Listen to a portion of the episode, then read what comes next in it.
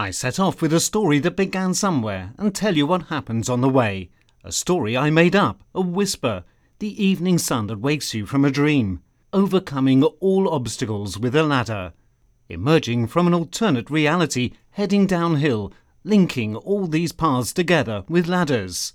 Merging imaginary worlds with reality is possible with a ladder, and so is waking monsters from their slumber, exposing them. My desire to depict the sounds and the shadows and the branches all in a single landscape. The audience will explore my story with their eyes, taking the ladders to go from place to place. Each departure an awakening. Depart and climb your ladders.